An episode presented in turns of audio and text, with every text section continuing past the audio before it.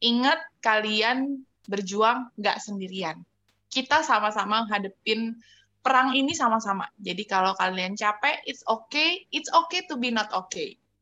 Ya, tapi hmm. jangan nyerah. Karena kalian nggak pernah berjuang sendirian.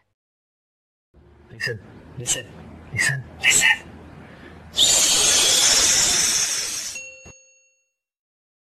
Oke okay guys, welcome back to Journal Voice. Di sini ada gua Andrew dan ada host seperti biasa. Gua Paul. Ada dokter kesayangan kalian di sini.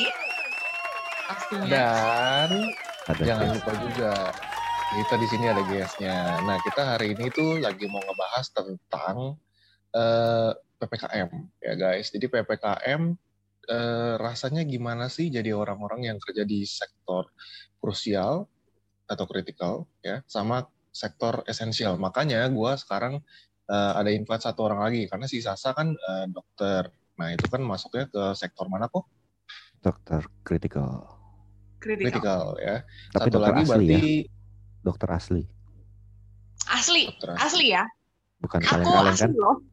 Masih. STR masih berlaku.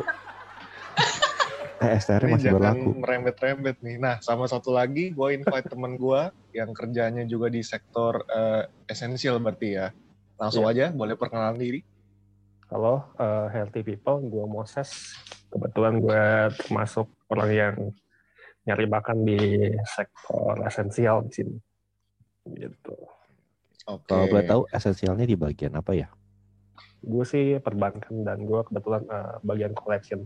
Oh, oke. Okay. Ya, jadi berarti uh, collection asli ya? Perbankan. Collection yeah. asli ya?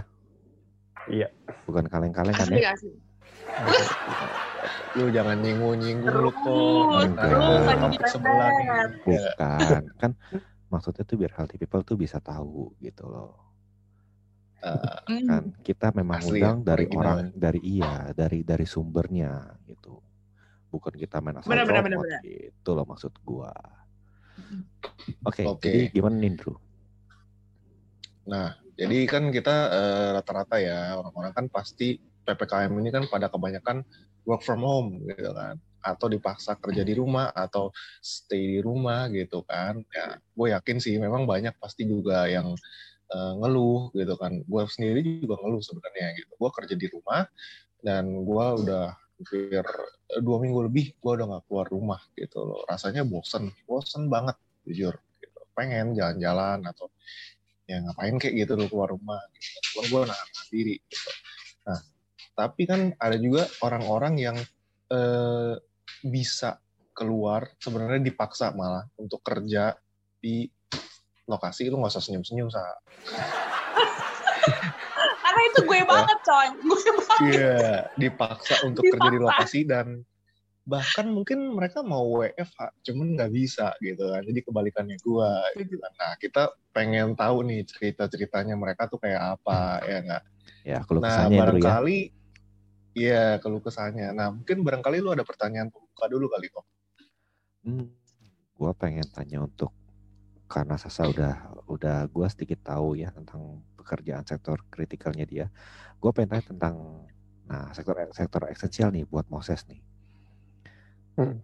Ses, kira-kira gimana hmm. nih dampaknya nih? Dampak dari PPKM ini untuk uh, ibaratnya aktivitas kerja lu deh. Gimana nih? Oh iya, semuanya secara langsung uh, lebih slow. Karena di sini kan kita kan masalahnya perbankan ini kan kita mesti kasih relaksasi segala macam, mesti ya meringankan masyarakat dan nasabah-nasabah kita kan. Tapi di sisi lain kan yang apa yang kita juga dituntut mesti ada yang WFA segala macam. Dan itu kan kita kan kadang-kadang approval persetujuan segala macam kan kita mesti tangan-tangan basah kak gitu. Jadi kita mesti nungguin nunggu yang giliran-giliran masuknya kapan gitu. Orang-orang yang related sama approval approval yang kita mesti uh, kerjain proposalnya gitu.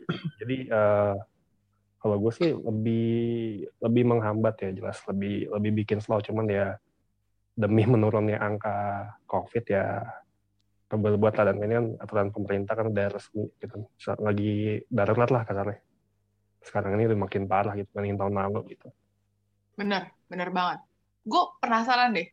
Karena lo ada di dalam dunia perbankan dan uh, Jakarta, apalagi kan lo juga ada di daerah DKI Jakarta nih, maksudnya di kota hmm. besar, hmm. ibu kota yang perputarannya mungkin bisa kita bilang 90% ekonomi Indonesia itu ada di Jakarta, ya kan sih? Iya. Gitu kan. Iya. Berarti kan lu emang gak bisa tuh perbankan itu uh, istilah kata tutup tuh nggak mungkin, karena perputarannya ada di situ. Ya. Iya. Lu mungkin pernah nggak apa namanya uh, dapetin lagi nanganin klien atau sebuah urusan kayak tadi kan lu bilang tanda tangan approval mesti tanda tangan basah terus beberapa harus ada yang mungkin setengah di WFH kan kan jadi kayak agak sulit ya lu mungkin hmm. pernah sampai uh, bersih tegang gitu uh, untuk urusan-urusan yang kayak gini gitu Oh enggak, enggak. Kalau approval bahasa itu lebih karena gini, kita approvalnya uh, by email dulu. Tapi kan by email kan cuma oke okay, approve. Dan itu kan bakal banyak banget. Kalau yang tanda tangannya enam orang kan nanti kan enam orang tuh email tuh diperinin. Baru bisa running segala macam. Jadi ya lebih lebih ya buang-buang kertas juga. Buang-buang kertas green, cuman kalau untuk iya. Cuman kalau untuk bersih tegang sih gue lebih tipenya lebih ngambil pusing. Mungkin bos gue kali ya karena bos gue kan lebih lebih bantuin yang ngejar-ngejar approval approval segala macam gitu. Lebih lebih stresnya di bos gue lebih gedenya kalau gue sih nggak terlalu, gue sih jarang bersih tegang. Kalau bersih tegang itu ya sama apa debitur lah kasarnya. ya, jarang sih, jarang kalau gue mah uh, penagihan gue sih hitungannya halus kok, gitu. Lagi main-main apa lebih karena diskusi segala macam, kasih tau lah bakal kayak gimana kayak gimana gitu. Lu ketawa-ketawa aja, Drew, pengalaman ya? Pengalaman lo ya sama debitur. Kagak. Gue sering denger ceritanya dia soalnya kita kan temen main nih ya kan? Gue gue juga suka ngorek-ngorek. Gimana sih ses? Lo cerita gini-gini gitu kan. Nah itu juga ses kan dulu lu kayak huh? uh, sering gitu kan ketemu debitur gitu kan. Even huh? pandemi juga gue rasa lu kayaknya masih ketemu-ketemu. Apa ada beda nih pas ppkm sekarang? Uh, mungkin lu jadi lebih jarang ketemu debitur atau gimana ses Enggak, kalau PPKM juga, gue waktu itu tahun lalu lebih banyak yang apa kesendat-sendat lebih banyak. Kalau sekarang lebih dikit. Jadi kebetulan juga gitu. Kebetulan juga. Uh, untuk ketemu, kalau untuk masalah jalan malah lebih enak sekarang. Eh PPKM Kenapa sih, tuh? karena kita lebih waspada kalau PPKM, karena ada penyekatan. Jadi kadang mau ke satu titik mesti mikir ada nggak penyekatan di situ. Jadi mesti mikir muter lewat mana, muter lewat mana gitu. Tapi kalau dari segi traffic segala macam jauh lebih lebih lebih kosong kan. Kayak gue bilang kemarin udah yeah. Jakarta tuh gue di Sudirman itu gue kalau ngeliat itu udah kayak biasanya padat depannya Atma segala macam tuh yang tulisan itu Monas sama Senayan. Sekarang udah bener-bener kayak lebaran. Kosong melompong kasarnya. Paling 20 persen lah. Kosong melompong ya. Iya. gitu. Oke, nah jadi kan ya gue juga uh, ada lihat sih beberapa berita gitu kan uh, jalanan hmm. ditutup sana sini kayak gue tadi lihat daerah Gunung Sari itu ada orang yang kerja hmm. gitu kayak dia sampai ngelewatin apa sih pembatas kon gitu ya hmm. gara-gara daerahnya ditutup gitu. Nah kalau lu sendiri uh, akses ke kantor ada jalan ditutup nggak atau di pinggir-pinggirnya doang? Kalau gue kebetulan gue kan tinggal garis lurus doang kan dari rumah ke kantor, cuma 7 kilo.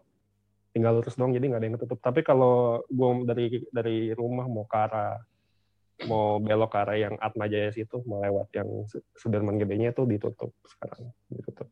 Dan berikut juga sebaliknya yang mau ke arah apa ke arah HI, eh GI segala macam itu ditutup juga gitu. Kalau hmm. yang lebih ngalamin temen gue yang kemarin ke pengadilan tuh kalau nggak salah lebih muter-muter lagi sih. Ke mana ke pelabuhan? Pengadilan. Pengadilan ngurusin perkara itu pilot segala macam.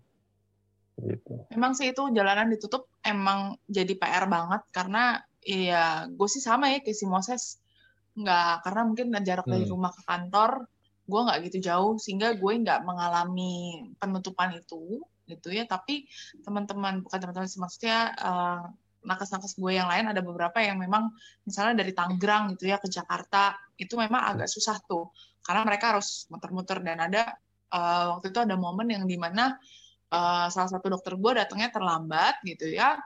Uh, karena dia bilang saya nggak bisa keluar pintu tol nih. Terus dia muternya jauh banget lah gitu. Gue dia memang dari Tangerang gitu. Sehingga hmm. dan itu sempat akhirnya karena ya uh, case of emergency gitu ya dia benar-benar harus minta tolong-tolong banget supaya bisa dapat akses ke tempat gue. Karena pada saat itu memang harus ada penanganan pasien. Dan yang lebih hebohnya lagi ya ini mungkin menjadi apa ya mungkin teman-teman udah pada dengar lah semua gitu ya. Bahwa kita saat ini itu kan lagi uh, ya lagi heboh kekurangan oksigen. Well ya yeah, it is right gitu ya. Bener bener sih gitu ya. Ya puji Tuhan haleluya di tempat gue sih saat ini oksigennya baik gitu ya. Saat ini tapi waktu itu udah sempet terancam. Terancam karena ppkm ini. Karena truk yang nganter liquid oksigennya itu nggak bisa keluar. What? Gitu. Hmm, Dan nggak bisa keluar? oksigen. Nggak bisa keluar, nggak bisa keluar dari tol, sehingga uh, dan itu memang udah jadwal yang ngisi gitu. Emang udah jadwal yang ngisi gitu. Dan dan itu akhirnya sempat telat beberapa jam gitu ya. Terus tekanan oksigen di tempat gue tuh udah sempet turun gitu. Jadi kita semua tuh udah deg-degan mati gue ya allah pasien gue nih. Udah deg jujur tuh deg-degan banget. Dan ya ya well amazing grace and puji Tuhan haleluya tiba uh, ya itu udah udah udah kita semua tuh kasalnya udah kneels on the ground udah semua udah berdoa. Jangan sampai ini tekanan oksigen kurang kita nggak nggak bisa ada oksigen untuk uh, penanganan pasien gitu. Dan well ya akhirnya uh, itu uh, apa namanya si liquid oksigennya tankinya akhirnya datang juga gitu ya meskipun itu sempat telat. Tapi itu bikin hmm. deg-degan banget. Maksud gue gini uh, gimana ya gue nggak ngerti juga karena gue juga bukan pemerintah gue juga bukan orang hukum gitu ya tapi gimana ya ada, gue sedikit mengkritik gitu ayo dong pemerintah lu bikin kebijakannya tuh yang yang jelas ngerti nggak sih kayak apa yang nggak boleh lewat dan apa yang boleh lewat gitu loh hmm. kalau ini kan krusial coy yeah. hmm. krusial loh gitu betul, betul. ini logistik logistik medis yeah. soalnya gitu Iya. banyak, jadi banyak. gimana nih susah. Berarti Atau... surat jalannya juga nggak ngaruh ya? Nggak kan ngaruh. kan kayak gitu. Soalnya terakhir iya. tadi pagi gue nonton ada pas pampres ditolak juga terus dimaki-maki. Iya itu juga pas ada tuh. atau apa iya. mungkin butuh surat apa nggak sa yang untuk untuk keluar oksigennya itu? Yang harus dipenuhi nggak? Ada surat jalan padahal ada, ada surat, jalan. kan setiap kali pengiriman logistik itu kan pasti ada surat jalannya ya. Hmm. dia menuju ke mana gitu kan itu padahal uh, dari maksudnya dari tempat vendor lah ya dari vendor mengirim ke tempat kita tuh pasti ada surat jalan gitu. Ada dokumen tanda terima dan segala macam gitu. Dan itu udah jelas loh tujuannya tuh ke mana uh, oh tangki oksigen ini ngirimnya tuh ke mana tuh udah jelas banget gitu. Itu udah tertera gitu. Tapi lu masih kayak uh, ini nggak boleh lewat ini nggak well itu krusial sih men gitu. Bener-bener krusial banget gitu. Jadi kayaknya uh, wadidaw banget kalau sampai itu itu tuh gara-gara itu tuh kita terhambat gitu. Itu luar biasa. Luar biasa banget gitu. Itu benar-benar bikin deg-degan amat sekali banget sampai uh, apa namanya tuh truk akhirnya muter gitu supaya bisa keluar gitu. Hmm. dan gue berharap gitu maksudnya ya kalau ada yang mendengar gitu ya bapak-bapak ibu-ibu yang ada pada pimpinan gitu ya coba kalau bikin kebijakan tuh kita yang jelas supaya supaya kita sebagai yang menjalankan tuh juga bisa taat sama aturannya gitu. Kan nggak mungkin kita juga ngotot-ngototan kan gitu. Ngotot-ngototan eh gue harus keluar nih gue tolong kasih akses gitu. Dan bukan karena mohon maaf bukan karena lu anaknya siapa atau lu backingannya siapa terus lu dikasih keluar. Hmm. itu iya kan? Gitu loh. Hmm. coba aja kalau petinggi-petinggi terus tiba-tiba jalan terbuka giliran kita yang hanya remah-remah rengginang kan? Ya apalah artinya? Ya benar ya. Ini sih gue kalau denger agak-agak miris ya. Soalnya kan ini logistik medis kayak yang saya bilang. Ini harusnya sih udah ketahuan ya. Itu truknya juga udah kelihatan nggak uh, maksudnya tabung oksigen tuh kelihatan nggak sih dari luar gitu? Atau dia tertutup pickupnya Tuh ada tulisannya liquid oksigen. Ada tulisannya PT apa oh, gitu. Gue nggak boleh sebutin mereknya ya. PT apa terus liquid lagi itu kan. Berarti kan itu udah jelas banget kalau dia bawa oksigen kan. Harusnya tuh ya kalau buat gue ya itu harusnya sih langsung lewat aja ya. Hmm. hmm. Ya logiknya gitu, gitu. maksudnya bukan kalau misalkan mungkin ya Moses yang kerja di perbankan mungkin uh, masih bisa artinya mereka masih punya alasan untuk datang terlambat. Bukan berarti harus datang terlambat ya. Cuma maksudnya masih ada toleransinya. Bener nggak ses? Ya maksudnya hmm. masih ada toleransi nih gitu. Uh, apa namanya meskipun ekonomi atau perputaran perputarannya akan jadi kacau ketika dia nggak bisa akses ke kantor gitu. Tapi kalau lu medis gue kayak nggak ada toleransi. Nggak ada toleransi. Hmm, kalian yeah, yeah. pernah dengar nih ada salah satu berita uh, di uh, ini karena rumah sakit rumah sakit pemerintah jadi gue bisa sebutkan ada beritanya juga kalau kalian mau baca gitu ya silakan di searching di mbah Google di RSUP Sarjito uh, Yogyakarta ya kalau nggak salah rumah sakit Sarjito Yogyakarta 33 pasien itu meninggal akibat kehabisan oksigen. Hmm. Tuh. Wow. yes, gitu. Apakah uh, maksudnya apakah lu mau menjadikan kita seperti kasus itu? Itu mau siapa yang tanggung jawab? Meninggalnya bukan karena nakesnya nggak bisa nanganin atau ya memang kondisinya buruk atau gimana, tapi karena oksigennya habis. Nah, itu kan luar biasa banget gitu ya. Nah, jangan sampai lah, maksudnya kayak gitu kita kejadian di sini, apalagi ini Jakarta, kota besar, ibu kota loh. Itu masa sih? Iya kan, maksudnya ya itulah. Yuk kita kita mau taat peraturan, kita mau sama-sama meredakan COVID-nya, tapi kita juga dikasih rambu-rambu yang jelas. Gitu. Hmm. ya kan? Ya kadang bukan cuma rambu-rambu kayak itu mesti lebih dipikirkan lagi. Misalnya mungkin si yang jagain itu mungkin nganggapnya oh ini sektor manufaktur atau apalah sejenisnya yang nggak kritikal. Cuman itu kan yang dibawa kan buat ngaras itu juga gitu hmm. ya mesti diinin lagi itu ya pas pampres aja begitu Hmm. Terus yang kemarin yang apa yang di Pamong Praja itu yang tambal ban itu online itu kan kayak nggak mikir gitu kan. Oh, nggak, sorry gue potong. Iya. Kalau yang Pamong Praja yang tambal ban online itu itu gue udah lihat udah gue lihat ini ya sih, udah lihat uh, full versinya. Jadi hmm. begitu tanya tambal ban online, oh dia bilang oh monggo. Dalam artian silahkan. Hmm. Gitu loh. Jadi video itu dipotong apa hmm. ya sama oknum tertentu aja gitu loh tapi video video menggiring lengkap, opini betul video oh. lengkapnya itu boleh hmm. iya gitu. iya meskipun nggak mungkin ya, uh. gitu jadi saran saran dari gua kalau misalkan ada video yang kira-kira ragu cari sumbernya. Kalau terus cari versi lengkapnya. Gitu jangan hmm. cuma lihat jangan cuma lihat tengah-tengahnya aja gitu. Kalau bisa yang full. Hmm. gitu. Karena biar kita gak kegiring opininya jadi negatif. Nice. Kalau gue jujur udah nonton. Jadi hmm. tanya uh, loh tambal ban online? Dia bilang oh tambal ban monggo. Boleh Hmm, oke okay, oke oke. Gitu. Oh ada ohnya di situ yang iya. klarifikasi lagi di situ. Betul kan? betul betul. Oke oke oke sengaja itu buat mengirim opini ya hmm. gitu. Nah, iya, kadang-kadang ya, ya itulah ya. Begitu pintarnya netizen-netizen kita ya, smart hmm. banget ya, luar biasa. uh, Ses, gue mau nanya Ses. Hmm. Kalau kesah lu selama PPKM ini apa nih? Nah, baru gue mau Ah, lu PPKM gue ya. mulu. Kalau kantor gue kayaknya udah dari tahun lalu tuh kayaknya udah udah semi semi PKM malah pak. Karena gue kantor pusat jadi yang masuk kayak cuma setengah. Jadi sebenarnya nggak terlalu nggak terlalu beda jauh sih. Itu berasa jauh. Ya kantor tuh benar-benar kayak kantor kosong udah setengah kosong lebih ya sebelum ppkm ya pokoknya dari mulai covid sampai sekarang tuh ya emang emang jarang ketemu orang. Ya, susah gitu. Nah kalau yang kemarin sempat yang agak longgar itu sempat ada yang top-topnya itu yang tangan-tangan itu sempat masuk tapi ya gantian juga. Jadi gantian sehari uh, dua orang besoknya beda-beda lagi kayak gitu. Kalau sekarang benar-benar ya yang benar-benar operasionalnya aja gitu.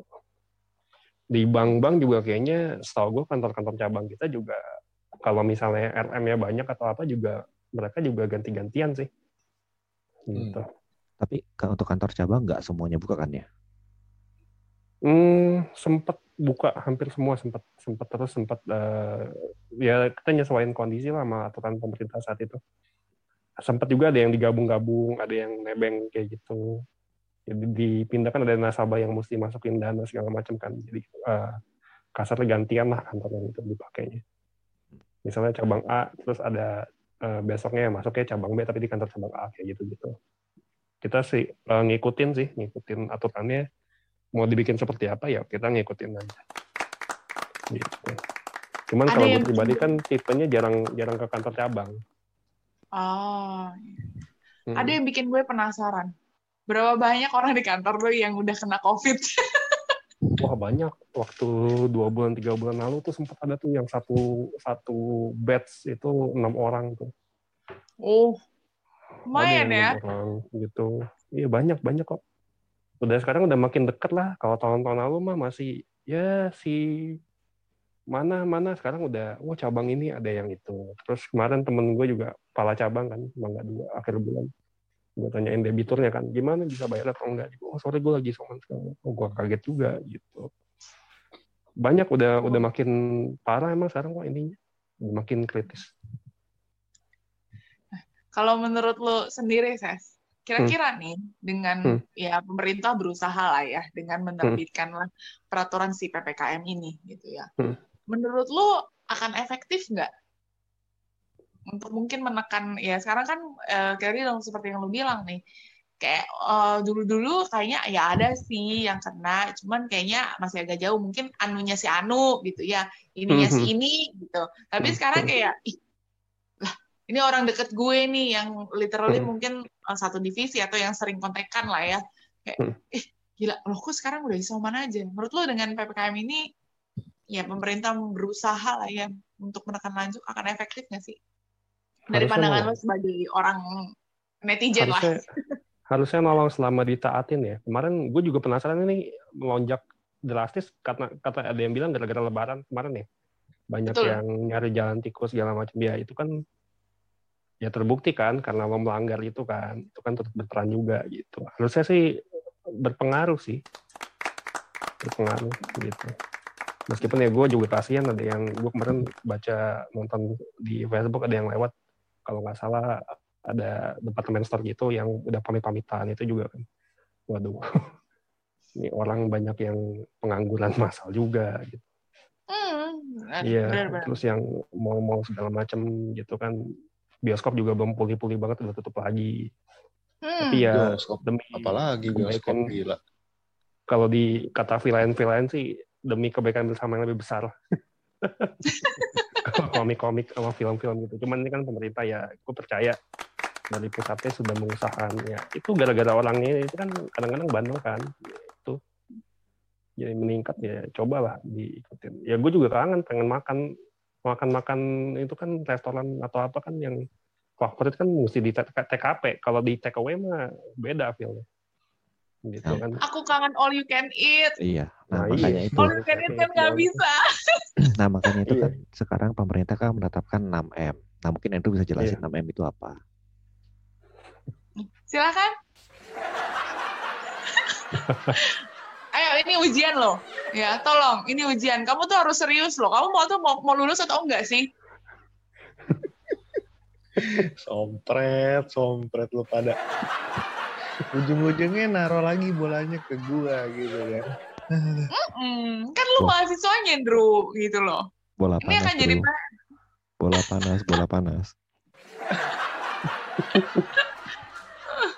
Iya, iya, iya, iya, iya.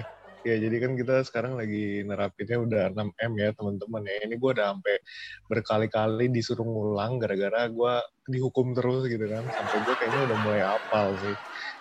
Bagus. jadi aturan 6M ini berkembang ya, teman-teman ya. Healthy people dari 3M. Tadinya kan mencuci tangan ya kan, terus menjaga jarak ya kan. Terus apalagi menggunakan masker ya kan Hmm. Nah, terus sekarang nambah lagi kan, menghindari kerumunan, ya kan, terus menghindari makan bersama, ya kan. Sama satu lagi gue lupa dah tuh. Mengurangi mobili. Oh, mengurangi mobilitas, ya kan. Ya maksudnya jangan sering-sering berpergian mobilitas ya buat yang nggak begitu tahu bahasanya. Nah, kira-kira Nah, Gimana? tar dulu, Ndru.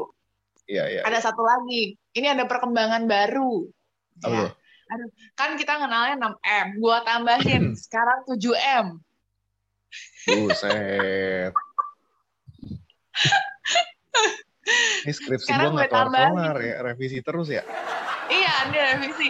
Kalau gue, gue tambahin jadi 7M ya, teman-teman. Selain lu cu- mencuci tangan, menjaga jarak, memakai masker, mengurangi mobilisasi, menjauhi kerumunan, terus menghindari makan bersama. yang ketujuh nih, ya, yang ketujuh. Menerima vaksin. Nah, itu iya. Iya, iya benar benar benar. Ya, tapi sebelumnya Bener gue, kan? sorry, sorry, sorry. Gue nanya dulu. Ses, udah divaksin Hah? belum? Oh, udah dong. Wah, mantap. Lengkap? Lengkap satu dua udah. Iya kan Mantap. nggak ada ruginya kan itu free dan segala macam ya oke lah gitu. Ya kan Mm. nggak tahu kita sehat-sehat atau besok imunnya nggak lagi nggak oke kan preventif juga. Ya, setuju, setuju. Ya. Jadi 7M ya, Andrew. Besok kita ulang ya. Itu buat ujian baru ya. Gue kira benar-benar ada, ada yang ketujuh dari pemerintah loh. baru, baru Yes, saat dos. ini baru jam 7 sore. Enggak, soalnya gini, Ses. Begini, Ses. Memang si Ah. dokter Sasa ini sekarang nih lagi gencar-gencarnya menerapkan eh, vaksinasi. Karena Betul. kenapa? Karena kenapa? Gimana kita mau mencapai herd immunity sementara sementara kitanya aja nih baru yang tervaksin tuh baru 11%. Bukan begitu, dokter? That's right. Bahkan sebenarnya masih kurang tuh untuk yang vaksin lengkapnya ya. Kalau Hmm. yang udah tervaksinasi secara lengkap loh ya, secara lengkap udah selesai lengkap itu masih di angka 5-6%. Jadi kayak, wow ini masih jauh banget loh. Sedangkan kalau mau mencapai herd immunity, kita kan paling nggak 70% penduduk Hmm. Indonesia nih Hmm. yang harus tervaksinasi. Well, masih jauh coy. Ini oke lah kita ngambil angka paling gede deh. Termasuk dengan yang vaksin pertama gitu ya. 10 sampai 11%. Masih jauh, masih 60% lagi. Bunda, Betul, betul, ayah, betul. tante, Hmm. om. Kalau diangkain kemarin gua cek itu masih belasan juta. Kayaknya antara 12 sampai 15 juta yang udah vaksinnya dua kali ya. Gitu. Hmm. Kalau yang vaksinnya sekali itu udah di 30-an juta gitu. Nah, Betul. Heeh. Nah, tapi gue ngomongin herd immunity nih ya, kok ya. Sebenarnya herd immunity cu nggak cuman dari vaksin. Itu cara bagus, ya kan? Tadinya tuh herd immunity, iya kan? Tuh kan Sasa udah, udah tahu-tahu. Dia, dia tahu nih gue mau ngomong apa nih. Boleh nggak sih gue ngomong, Sa? Boleh, boleh, boleh, boleh. Nanti coba tanya Moses, menurut pendapat dia gimana? Iya, iya, iya. Jadi herd immunity yang pertama kali banget gue denger itu di bulan kayak Junian gitu deh, Juni tahun 2020 ya. Berarti kan pandemi Hmm. baru sekitar tiga bulanan. Ke gitu. bulanan. Heeh, itu tuh sebenarnya udah diomongin herd immunity itu apa? Herd immunity kan supaya intinya eh, suatu negara atau lokasi itu kan jadi kebal terhadap suatu wabah gitu kan. Terus Hmm. caranya sebenarnya ada dua gitu loh. Dengan satu vaksin itu cara bagus ya kan. Nah ini cara Hmm. yang agak-agak kontroversial sebenarnya ya dengan menginfeksikan. Jadi Hmm, harus ada hmm. 70% orang kena COVID Hmm. gitu. Jadi kalau Indonesia mau herd immunity antara dia divaksin 70% orang minimal atau kena COVID 70%. Nah, pertanyaannya ya simpel aja gitu kan. Eh, sekarang Sa, kira-kira yang terinfeksi kan sekitar 2 jutaan lah ya. Kita ngomong yang lagi dirawat inap aja deh sekitar mungkin berapa Sa? 20 ribu atau 30 ribu kali ya yang dirawat inap. Lebih sih, Se-Indonesia. lebih sih. Se-Indonesia 200. mungkin ratusan ribu lah ya. Oke, ratusan ribu dah ya. Kita anggap deh, mentokin aja deh misalkan 900 ribu gitu kan. Itu kayaknya sih udah mustahil juga. 900 ribu deh. Itu Hmm. aja RS sekarang udah kelabakan banget gitu. Kalau kita ngomong 70 persen, 70 persen, kita kurangin deh sama yang udah vaksin gitu kan. Yang udah vaksin, anggap deh 30 juta yang udah vaksin dua kali tuh gue cincai lagi kan. Ya, berarti 270 kurangin 30 juta, ya kan? 201 juta. Nah, dikurangin lagi tadi yang dirawat inap 900 ribu ya, anggap deh 1 juta. Cengliin sejuta deh. Lu cengliin Nah, dulu deh cengliin sejuta. ya kan. Ini kayak di pasar Buat- tawar-tawaran. biar biar enak itu loh. ya kan. Eh, buat buat tambahin lagi deh, gue dobelin jadi 32 juta contoh ya kan. Jadi 270 juta penduduk Indonesia dikurangin 32 juta. Ya udah deh, gue buletin aja. Berarti 238. harus ada 200 juta orang kena COVID. Bener Dan iya, itu benar banget. Dan kita nggak memilih jalan itu ya. Kalau yang udah pernah denger ocehan gue dari kemarin ya, kalau yang belum denger tolong ya, klik link di bawah lu dengerin dulu ocehan gue ya. Lu dengerin dulu tuh ya ocehan-ocehan gue gitu ya Dia tentang promosi tentang dong. COVID ini. iya dong, tetap dong gitu ya. Biar tahu dulu loh, ini loh runutannya gitu loh. Kenapa Indonesia tidak memilih herd immunity dengan menginfeksi 70% dari masyarakatnya.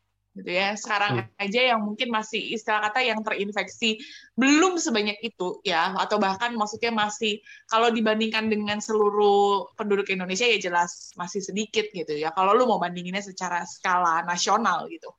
Nah, tapi kita tidak mau memilih jalan itu. Coba dicek dengerin dulu acahan aku di part 1 dan part 2 kemarin, ya. Gitu. Asia, Asia. Oke, Promo terus. Oke guys. Jadi ada, ada ada dua cara gitu sebenarnya. Jadi Hmm. herd immunity yang bagus caranya sama yang jelek gitu. Dan pemerintah kita udah pasti pilih cara yang bagus ya kan. Tuh, Meskipun dulu ada tuh eh, apa ya ad- biasalah ada yang kontroversi. Wah ini eh, nggak di lockdown lockdown. Jakarta masih terus operasi, Indonesia nggak di lockdown. Gimana nih? Ntar virus makin masuk. Ini jangan-jangan tanda-tanda mau herd immunity dengan cara yang tadi. Gitu. Udah ada tuh waktu itu ya, ya kan? Udah ada kan? Benar, Eh, benar, benar. Sempat ada pendapat-pendapat. ya. Hmm. Mm, pendapat-pendapat yang oposisi ya, gue sih nggak salahin lah pasti orang juga ada lah yang pendapat negatif. Cuman intinya tuh kita sekarang eh vaksinasi udah keluar, lu vaksinasi. Ya, habis disuruh vaksinasi gimana sa reaksi orang-orang menolak gitu. Ya eh nah nanti coba kita dengarkan nih ya pendapatnya Bapak Moses setelah dia divaksinasi. Kan dia juga masyarakat awam tuh ya udah terima Hmm. vaksin ya. Apalagi Hmm. dia dia di area apa namanya di area esensial juga. Kita dengerin testimoni dia vaksin gitu. Oke? Setelah yang satu ini. 2,000 years later. Nah, setelah iklan tadi lewat, mudah-mudahan ada iklan beneran gitu ya. Ngarep ya. Yes! All right! Woo! Iya bener dong, boleh ya. Atau Betul, betul, mungkin boleh. nanti dari tempatnya Moses, dari tempatnya dia kan siapa tahu kan mau endorse kita, kita boleh lah gitu. nah, kita mau tahu nih testimoninya Moses kemarin pas nerima vaksin gitu. Moses kan udah terima vaksin, terus udah lengkap juga nih, eh, ya alhamdulillah puji Tuhan ada dia nih ya. Jadi Hmm. boleh dong kasih testimoni lu, apa yang lu rasain pada saat lu vaksin, ah, terus apa namanya, setelah itu apalah yang lu rasain lah, Ses, gitu. vaksin vaksin Monggo, pertama vaksin kedua ya jangan jadi maksudnya vaksin pertama apa yang lo Hmm. rasain vaksin kedua apa yang lo rasain Betul. Betul, betul, betul. Kalau kalau gue kebetulan pakainya Sinovac, jadi katanya itu lebih lemah ya, tidak sekeras AstraZeneca. Dan jadi untuk yang pertama sih gue nggak merasakan apa pun. Yang kedua itu memang Sabtu ya, Sabtu gue pagi, gue kan vaksin tiap Sabtu pagi terus ya siang tuh lebih ngantuk aja gitu. Kalau untuk efek samping segala macam mungkin badan gue emang lebih lebih agak lebih kuat atau gimana, jadi gue nggak merasakan yang ini. Cuman kalau nyokap gue sih katanya sempat agak meriang atau agak nggak enak dikit lah. Sama temen gue juga ada yang pusing tapi ya itu ya ada eh, kan itu kan efek sementara kan buat biar badan lo biasa gitu. Ya fine fine aja sih gitu. Nggak ada ini ya pas disuntik juga nggak berasa kan cuma 0,5 ya. Ya, 0,5 0,5. mili apa berapa kan itu kan itu nggak nggak ini. betul gue disuntik Nggak. nggak berasa gue disuntik sama sekali nggak berasa nggak berasa sampai Cuman- tuh jarum masuk ke tangan gue kalau tahu Nah, si Iya, kalau nyokap lu eh, dapatnya sama ses dari kantor juga Sinopharm atau beda vaksinnya? Oh nyokap gue dibawa sama kakak gue. Jadi pas gue lagi uh, office lagi ke kantor dibawa sama kakak gue gue lupa tempatnya cuman kayaknya di sekolah mana gitu ada Iya, enggak, tapi vaksinnya bukan Sinopharm kan, berarti Astra kalau nggak Sinovac. Gue lupa cuman antara dua itu gitu I see. Mhm. Oke, gitu. Vaksin kedua gimana, Ses? Lo itu kan tadi vaksin Iya. pertama. Vaksin kedua apa yang lo rasain? yang pertama kan nggak ada nggak berasa apa apa yang kedua yang kalau si Sabtu siang itu ngantuk mager bawaannya yang maunya tidur Oh weekend, mentang-mentang weekend. Ngantuk ya? enggak weekend Ah. biasanya gue masih ngegame Arkham Arkham segala macam Oke, Batman. iya Sabtu biasanya Sabtu siang tuh gue segar gitu cuman Hmm. ya gara-gara itu kali ada pengaruhnya cuman ya fine fine aja sih gitu itu juga kan pas mau itu kan ditanyain dulu kan ada kondisi atau apa segala macam gitu Itu ngantuknya cuma sehari doang tuh berarti. iya cuman segitu doang cuman sehari doang Ya, oke oke. Good good. Berarti gitu ya, teman-teman ya. Maksudnya ya lu sebenarnya lu mau vaksin apa pun sama Hmm. baiknya gitu ya, sama baiknya dan terbukti bahwa vaksinnya aman, jadi nggak ada apa-apa tuh. Ya, nggak ada Hmm. yang eh, harus kalian khawatirkan. Jadi, nah, inget lagi tuh tadi 7M ya. Udah nggak 6M nih kalau dari gue. Udah 7M ya. Gitu. M yang mah bikin Ya, besok nanti kita ada yang kelar-kelar. Iya. Nanti buat besok Andrew ujian ya, gitu. Jadi tolong diingetin teman-teman sekarang udah nggak 6M. Kalau gue 7M gitu. Lo harus menerima vaksin. Karena ruginya Oke. juga sih, gitu kan. kalau kalau bisa kalau kondisi badannya nggak nggak cocok kan emang ya apa boleh buat lah kasarnya kan Setuju. Heeh. Benar.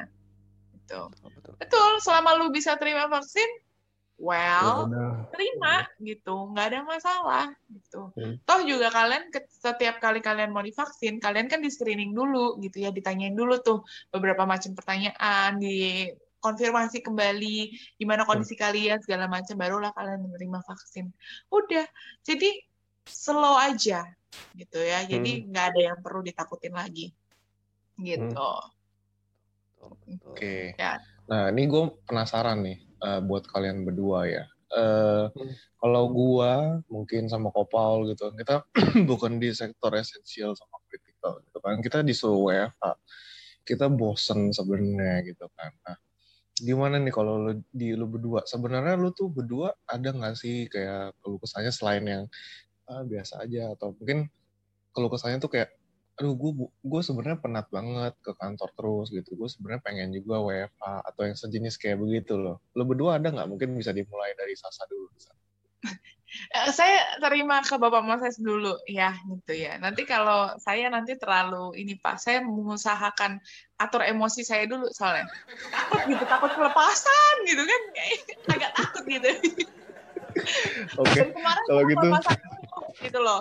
Coba Pak Moses Oke. dulu. Soalnya kalau ngedengerin suaranya Moses tuh kayaknya adem gitu ya. Karena tadi lu, lu, lu bilang ini dia cosplayer Batman kan. Pantas lah, jadi kayaknya suaranya tuh kayak, Suaranya kebapaan. iya, suaranya tuh kebapaan eh cocok loh cocok loh sama karakternya si Bruce Wayne itu tuh cocok loh serius serius gue gue nggak bohong Gitu, kayak kesannya tuh oh kayak iya kalem kalem kalau gue kan kayaknya emang agak-agak gimana lah ya gitu Ceplos, ceplos, lu nyablak, nyablak, lu nyablak. Nyinyir. Nyinyir. Gitu. Oke. nah jadi gue coba coba supaya netizen suaranya sebelah apa namanya eh, feelingnya diademin dulu vibe-nya diademin dulu dengan dengan suara Moses dulu. Ya boleh ses, langsung aja ses. ya kalau dibilang siapa yang gue pengen WFA pengen. Karena ya di rumah doang gitu kan. Tapi ya satu gue sebenarnya nggak terlalu ini banget sih Eh, karena buat gue WFA itu lebih menegangkan dan lebih menyita waktu. Kenapa tuh? Ka- karena berkas-berkas gue kan di kantor. Dan gue tidak terlalu rapi dalam menyimpan berkas di eh, laptop gue jadi gue lebih tegang kalau WFA karena WFA gue itu berarti kan lo standby HP lo 24 jam kan?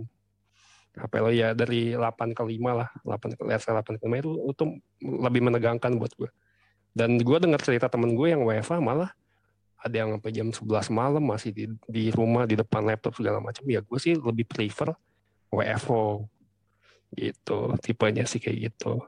Dan- gue juga ya to be honest ya gue lebih jujur gue nyamannya ini gue bukannya seneng corona ya tapi eh, jalannya itu sepi pak.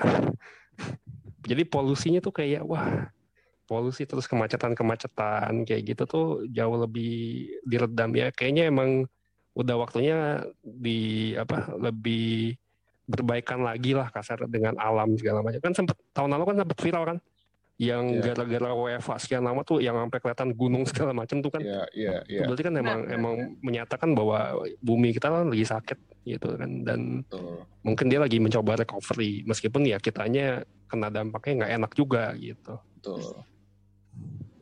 Benar, benar, benar, benar, benar. Ya. Kalau gue sih ya, kan kalian tahu ya, saya kan adanya di bagian critical nih. Ya, here we go again, ya. guys. Here we go Gitu again. ya. ya, gue kan adanya di bagian critical gitu ya. Eh, sebenarnya sih agak lucu kalau misalnya sebenarnya jujur jujur banget, gue tuh em, bisa pengen WFH gitu ya. Karena jujur capek banget ya kalian tau lah. Sekali lagi yang belum pernah denger ocehan gue, tolong dicek di part 1 sama 2 kemarin. Dengerin dulu. Ya. Lagi. Emosi lagi. Eh, ya, gue sebenarnya pengen berharap bisa WFH, tapi kayak karena gue kritikal dan gak mungkin juga seorang dokter eh, WFH gitu ya saat ini gitu ya. Meskipun beberapa kali kan kita juga udah develop tentang telemedicine gitu ya. Jadi ada yang dokter yang sudah bisa melakukan konsultasi dari rumah by gadget lah ya. Itu sudah juga sudah di provide eh, sama beberapa apps dan perusahaan juga.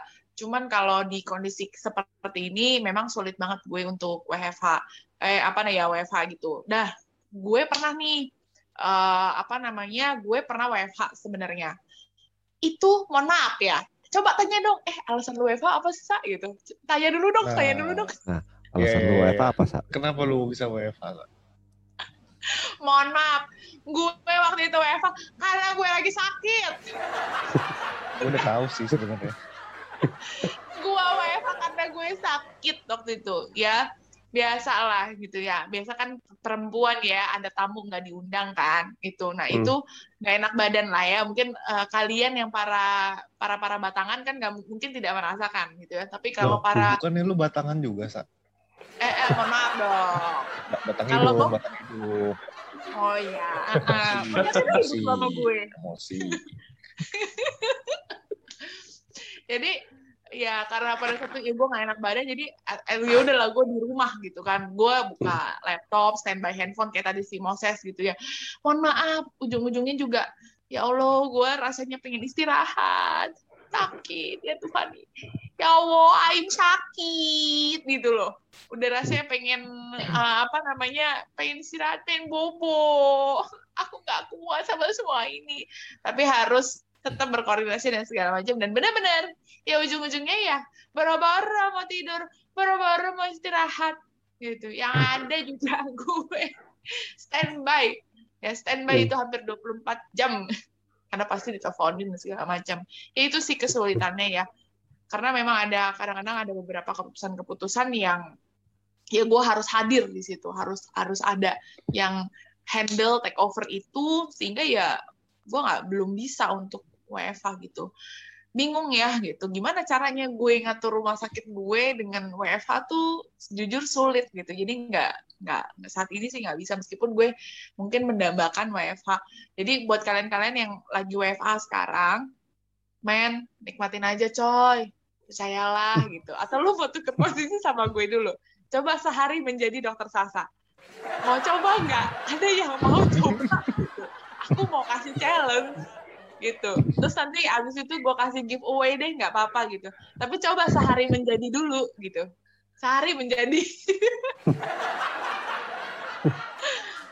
Mungkin tertarik bapak-bapak gitu ya. Silakan kalau tertarik menghubungi eh, apa namanya eh, email Jurnal Voice di bawah ini gitu ya. Jadi silakan menghubungi kami gitu ya untuk collab bareng sehari menjadi. Terus kita rekam ya, biar jadi konten gitu ya. Ya asal suntik aja aku mah malah praktik malah praktik aja jadi kan oh dikasih jarumnya pokoknya suntik aja lah mau ngecek tensi oh sekarang tadi udah Gitu kan. digital, jadi lu tinggal mencet. Oh, digital. Oh, Ya, jadi lu tinggal mencet kan, tuh. iya iya iya. iya. gitu loh. Plus Jadi minus lah kalian WFH itu. Mm-mm. Nah, nikmatin yang masih bisa WFH gitu ya. Nikmatin Iya. aja dan anggaplah kalian mengurangi paparannya kalian terhadap virus-virus uh, corona atau covid saat ini di luar sana gitu. Jadi udah sudahlah nikmatin aja lah gitu daripada nanti kalian mungkin harus menghadapi kehidupan seperti gue atau seperti Moses gitu ya yang mungkin menghadapi lika-likunya pasti ada masing-masing lah Hmm. gitu. Hmm. Tuh, nggak gue nggak bisa bilang oh ya dokter lebih berat saat ini, orang bank nggak gitu berat, nggak juga coy gitu. Jadi juga harus standby dia yang memegang perputaran ekonomi coy. Kalau banknya tutup, menurut lu, nah ini perputaran ek- roda ekonomi nggak nggak jalan. Well, yang ada lo, lo, lo akan lebih banyak lagi orang-orang yang mungkin di PHK, yang nggak bisa Hmm. kerja, nggak bisa cari makan. Bener nggak, Ses? Ya. Hmm. Tuh. Ya, herd immunity akan lebih cepat lah, Sa. Loh. Loh. Janganlah kamu mencontoh India. Ya nggak kok, Paul? Betul, betul. Perlu betul, banget betul. mereka ini. ya kan, gitu. Janganlah kita sampai mencontoh India nih. Udah cukup gitu ya. Hmm. Jangan nggak perlu lu melihat eh, apa namanya mayat-mayat jenazah-jenazah bertebaran di tengah jalan gitu ya. Kalau mau tahu itu ya, nanti nonton lagi ocehan gua tentang mayat-mayat itu.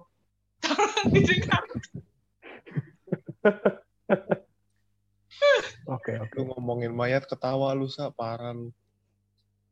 Gimana lagi, Bos? Coba dengerin dulu ocehannya. Ya, cekidot. Tolong linknya ditaruh di bawah di sini ya. Gitu. Ya, Bapak editor, tolong linknya dipersiapkan waktu dan tempat. Loh. gue kerjaan gue dari kemarin udah kerja- kerjaan gue tuh dari kemarin emang nyusahin editor terus. Ta- tapi aku masih nggak ngerti. Emang kita masih rendah banget. Tapi masalahnya yang aku dengar itu banyak yang antri vaksin. Banyak yang deny tapi banyak yang antri vaksin. Tapi kok kayaknya agak slow ya progres yang tervaksinasi itu ya. Itu gimana sih? Nah, betul loh. Apa gara-gara. PPKM, Sa, yang jumlah yang divaksin jadinya sekarang nggak secepat yang kemarin? Iya. Sebenarnya memang kita sempat terlambat. Itu gue akui juga ya. Ada sedikit Hmm. keterlambatan dari pemerintah tuh. Karena memang eh, jadi ini menurut gue ya, ini menurut gue pribadi ya, ini pandangan gue secara pribadi. Hmm. Menurut gue tuh pemerintah terlalu baik. Terlalu Hmm. baik. Kenapa gue bilang seperti itu? Ya, ingat waktu zaman awal kita para nakes pasti disuruh duluan kan, disuruh duluan untuk vaksin. Gitu ya. Iya, iya, betul. Pada zaman itu, ya pertama kali vaksin itu keluar dan para nakes duluan yang mendapatkan vaksin, Itu ternyata ya, juga? Gua banyak. Januari, Januari akhir, Januari akhir mau ke Februari itu, gitu. Pertama Hmm. kali kan eh, Bapak Bapak Jokowi kita juga Hmm. vaksin pertama kan nggak lama tuh begitu Pak Jokowi itu vaksin terus besokannya kan eh, langsung vaksin itu disebarkan gitu untuk para nakes gitu. Nah eh, apa namanya pada saat itu juga masih banyak orang-orang bahkan nakes sendiri loh nakes sendiri yang masih takut akan vaksinnya nggak percaya sama vaksinnya eh, bahkan menolak eh, vaksin tersebut gitu ya. Nah tapi jujur aja di saat itu pemerintah itu nungguin kita loh. Nungguin loh. Gue nggak nyangkanya gini maksudnya gini. Kalau gue jadi pemerintah mungkin mungkin karena gue agak jahat kali ya gitu. Gue kayaknya orang yang kejam gitu. Ya gue akan kayak ya udah lu nggak mau vaksin ya udah lah ya. Lu kalau mau mati mati aja sendiri. Nggak usah ngajak-ngajak gue. Gue mungkin akan ngomong kayak gitu. Iya gue mungkin lu mau bilang gue kejam ya udah terserah gitu karena ini lu udah dikasih vaksin gratis gretong loh Iya. gitu Iya. lu mau ngapain lagi maksudnya lu tinggal Oke. terima coy gitu dan Tapi udah dan pemerintah di- gimana, Sa? pemerintah itu nungguin kita untuk kayak waktu itu kan sempat terlambat sekitar kalau nggak salah tuh mundur dua minggu untuk yang fase keduanya karena kan Hmm. fase dua minggu apa sebulan gitu gue agak lupa Karena nungguin tuh semua nakes bener-bener kayak bener-bener dibujukin coy. Serius, dibujukin banget banget. Ayo dong, vaksin dong.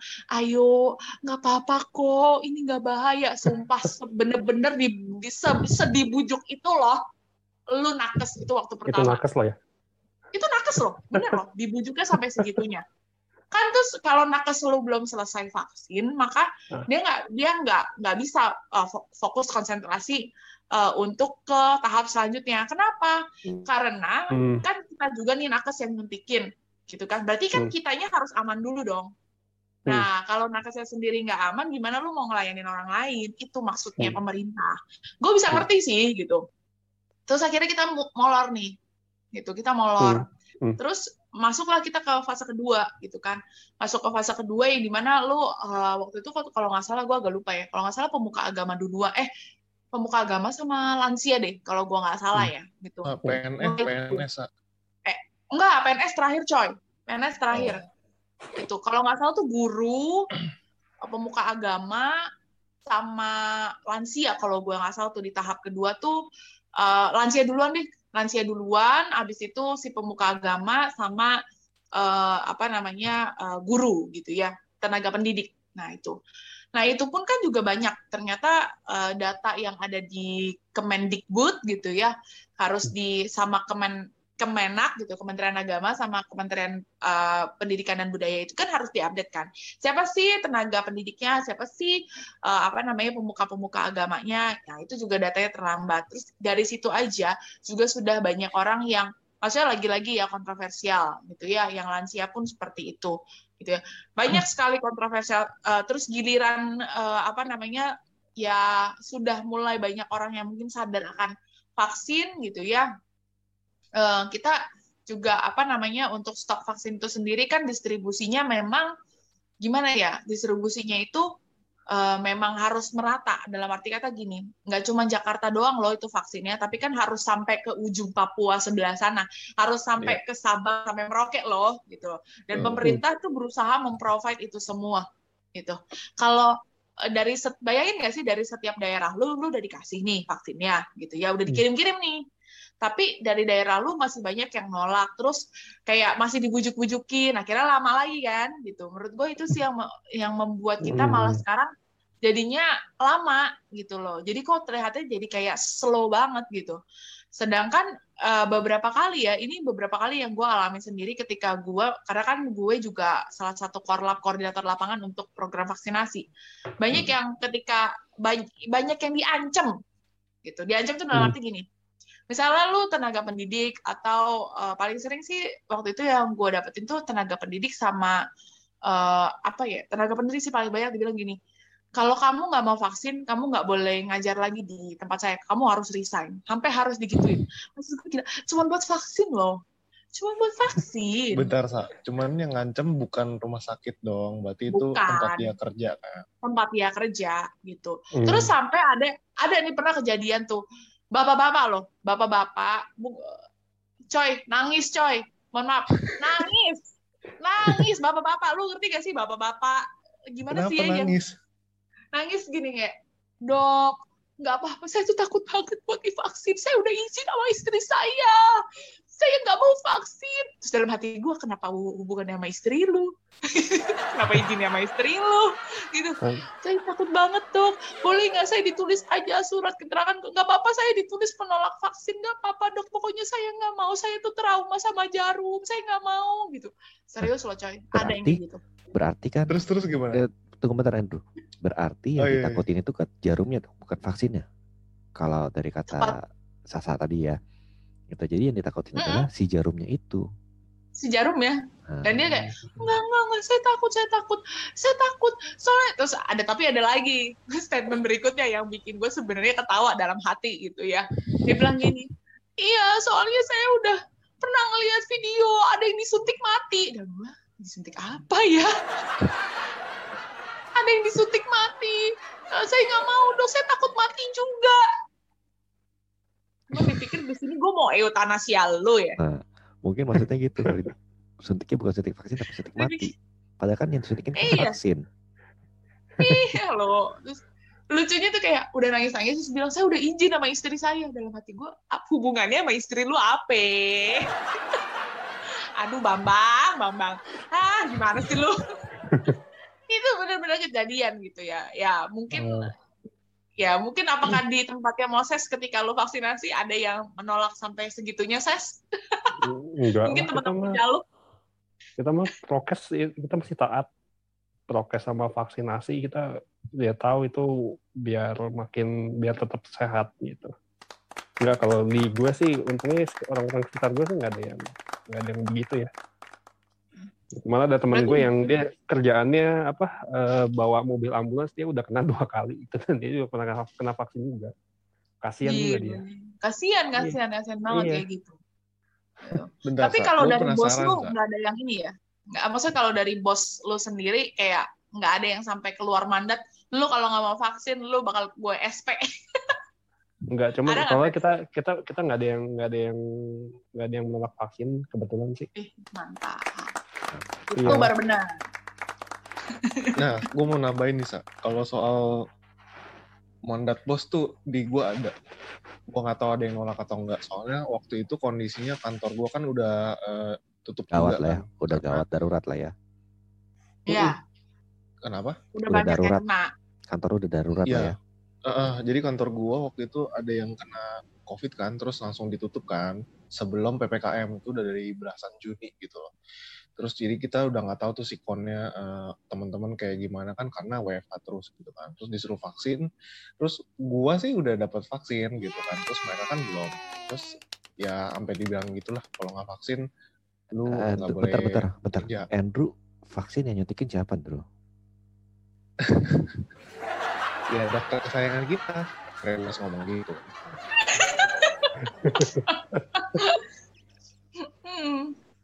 Gitu. Nah, eh ya gue dengan bangganya gitu, gue kasih sertifikat vaksin gue gitu kan. Yang kedua gitu kan, di saat orang-orang baru vaksinasi pertama, wah luar biasa, luar biasa. Terus Bravo, ya bravo. udah eh, gitu sih intinya sampai ada ancaman dari eh, bos gue kalau lu nggak vaksin lu nggak boleh kerja anjir serem juga ya. Ya gue sih nggak apa-apa. Cuman gue penasaran sama ini yang tadi yang si bapak-bapak yang takut divaksin itu akhirnya dia vaksin gak sih? Enggak. Akhirnya tuh dia dikonselingin. Jadi kita kirim dia tuh ke psikolog. Serius. Serius. Gitu. Jadi itu sama perusahaannya gitu ya. Eh, maksudnya dia kita kembalikan lah ya dia ke pihak yang berwajib lah yang menjadi apa namanya yang menjadi naungannya dia. Terus eh, gue gue gue ngomong tuh waktu itu sama sama bosnya lah, sama koordinatornya mereka. Gue bilang, "Iya, Bapak ini nolak vaksin, saya udah berusaha bujuk dan bla bla bla, bla." Terus dia bener-bener tuh yang gimana ya? Lucu gak sih lu? Terus gue tuh gue tuh masih kebayang banget ini bapak-bapak gitu ya eh ya literally pokoknya sosok bapak-bapak banget. Terus Hmm. lu terus dia kebetulan lagi pakai tas kecil tas gimana sih? Lu tau gak sih yang tas yang kayak kekinian yang di Iya, Ya, ya, sini iya, iya. yang kecil gitu. Kan kayaknya unyu banget terus kayak Hah. sambil itu dia udah kayak "Eh, saya takut saya udah izin istri saya gitu. Kayak gue tuh sebenarnya dalam hati tuh gue beneran ketawa gitu kayak aduh ya udahlah. Akhirnya pokoknya gue lapor sama koordinator mereka terus akhirnya ya udah kami konselingin dulu aja gitu kan. Kan kalau di tempat mereka ada ada kayak buat eh, mungkin apa konseling kayak psikolog gitu untuk mereka konsultasi untuk kayak dikorek-korek lah ini bagaimana nih dia mentalnya gitu sampai sampai sebegitunya gitu. Nah itulah. Jadi eh, ya udah akhirnya dia eh, apa namanya di saat itu memang menolak. Ya udah gue bilang ya udah terserah nggak apa-apa. Silakan aja gitu ya. Makanya itulah kan lagi-lagi ya dikasih vaksin gratis itu yang nolak. Dikasih prokes situ yang nggak patuhin ya kan gitu giliran Hmm. sakit lu nyala nyalahin maunya apa hmm. mau tahu ocehan selanjutnya cek dulu di link bawah Shameless promotion by Dr. Sasa luar biasa. Amazing banget, amazing. ya gitulah Mm-mm. Hmm. Oke, Oke, nah, oke. eh, Apa Ses, lagi kok? kira-kira Ah. Lu punya saran nggak buat orang-orang yang WFO nih tentunya nih ya gimana caranya supaya mereka tetap eh, terlindungi lah maksudnya dalam artian stamina-nya gitu kan karena kan WFO juga kan ibaratnya kalian sama seperti kerja biasa kan dari jam 8 sampai Mhm. jam 5 gitu. Gimana caranya menjaga Mhm. stamina-nya, kondisi kesehatannya. Nah, lu punya saran nggak seperti apa? Ya paling kayak biasa udah yang dilakukan selama ini kan ada yang berjemur, terus ya minum vitamin, apa air kelapa segala macam, dan jangan panik buying itu yang kayak kemarin yang bear brand itu. Iya. Dan itu kan salah satu contoh yang ada yang meneliti kan low vitaminnya buat yang cegah COVID juga nggak ada. Gitu ya, tolong lebih inilah. Kayak yang biasa udah dilakukan selama ini, kalau udah dilakukan ya teruskan aja gitu. Yang minum vitamin segala macam, berjemur, ABCD, ABCD. Gitu loh. Ya jangan itulah yang panik-panik buying itu kita udah berapa kali gara-gara ini pertama masker masker udah gila-gilaan terus yang kemarin lagi muncul Bear Brand itu Bear Brand juga yang ngusulin bisa nyembuhin covid siapa itu kan bingung juga padahal di yang ada konsumsinya kan apa sajian sajian takaran gizinya kan katanya kan tidak lengkap juga. Gitu. Banyak banyak vitamin vitamin yang mungkin mereknya segala macam nggak nggak kita kenal cuman ternyata bisa apa berperan juga gitu membantu. Gitu ya carilah vitamin C ada di mana vitamin apa ada di mana ya itu kan Google kan sekarang sekali klik aja nggak nyampe lima menit kan bisa tahu apa aja yang bisa dipakai buat penggantinya misalnya yang obat ini nggak ada vitamin ini nggak ada kan gantinya ada apa aja gitu Betul. Nah, untuk dokter Sasa nih, saran-sarannya untuk para nakes nih. Justru untuk garda terdepannya nih. Jadi buat kita semua para nakes di mana pun kalian berada, ya teman-teman silahkan em, apa ya tetap jaga prokes. Kalau dari gue pasti 7M gitu. Dan paling terutama eh, itu jangan stres. Ingat kalian berjuang nggak sendirian. Kita sama-sama hadepin perang ini sama-sama. Jadi kalau kalian capek, it's okay, it's okay to be not okay ya tapi Hmm. jangan nyerah karena kalian nggak pernah berjuang sendirian Is, bijak banget ya gue ya untuk menutup malam hari ini tuh harus bijak gitu loh Betul, Luar biasa. Luar biasa. ya Oke lah, kalau gitu thank you banget eh, udah bisa mampir di podcast kita Bro Moses. Terus juga ya thank you thank you sudah diundang ketiga kali ya Heeh. Thank you juga untuk eh, Joshua, eh Joshua kan untuk Andrew, kok gue jadi Joshua. Untuk Andrew sama Dia mabok, saudara-saudara. Maklum udah mabok Hmm. Oke, paling sampai sini dulu. Gua Paul. Dan gue Andrew. dan gue dokter kesayangan kalian gitu jangan lupa cek konten-konten kita yang lain ya di link bawah ini apalagi seputar pandemik yang masih panjang ini jangan lewatkan informasi dari kita ya like comment subscribe jangan lupa hit the bell oke ya Sampai jangan lupa ketemu. dengerin ocehan gue Tetap ya. sampai ketemu di Oke. next episode dan bye-bye. Bye. Bye. Bye. Thank you, sis. Thank you. thank you semua. thank you thank you thank you thank you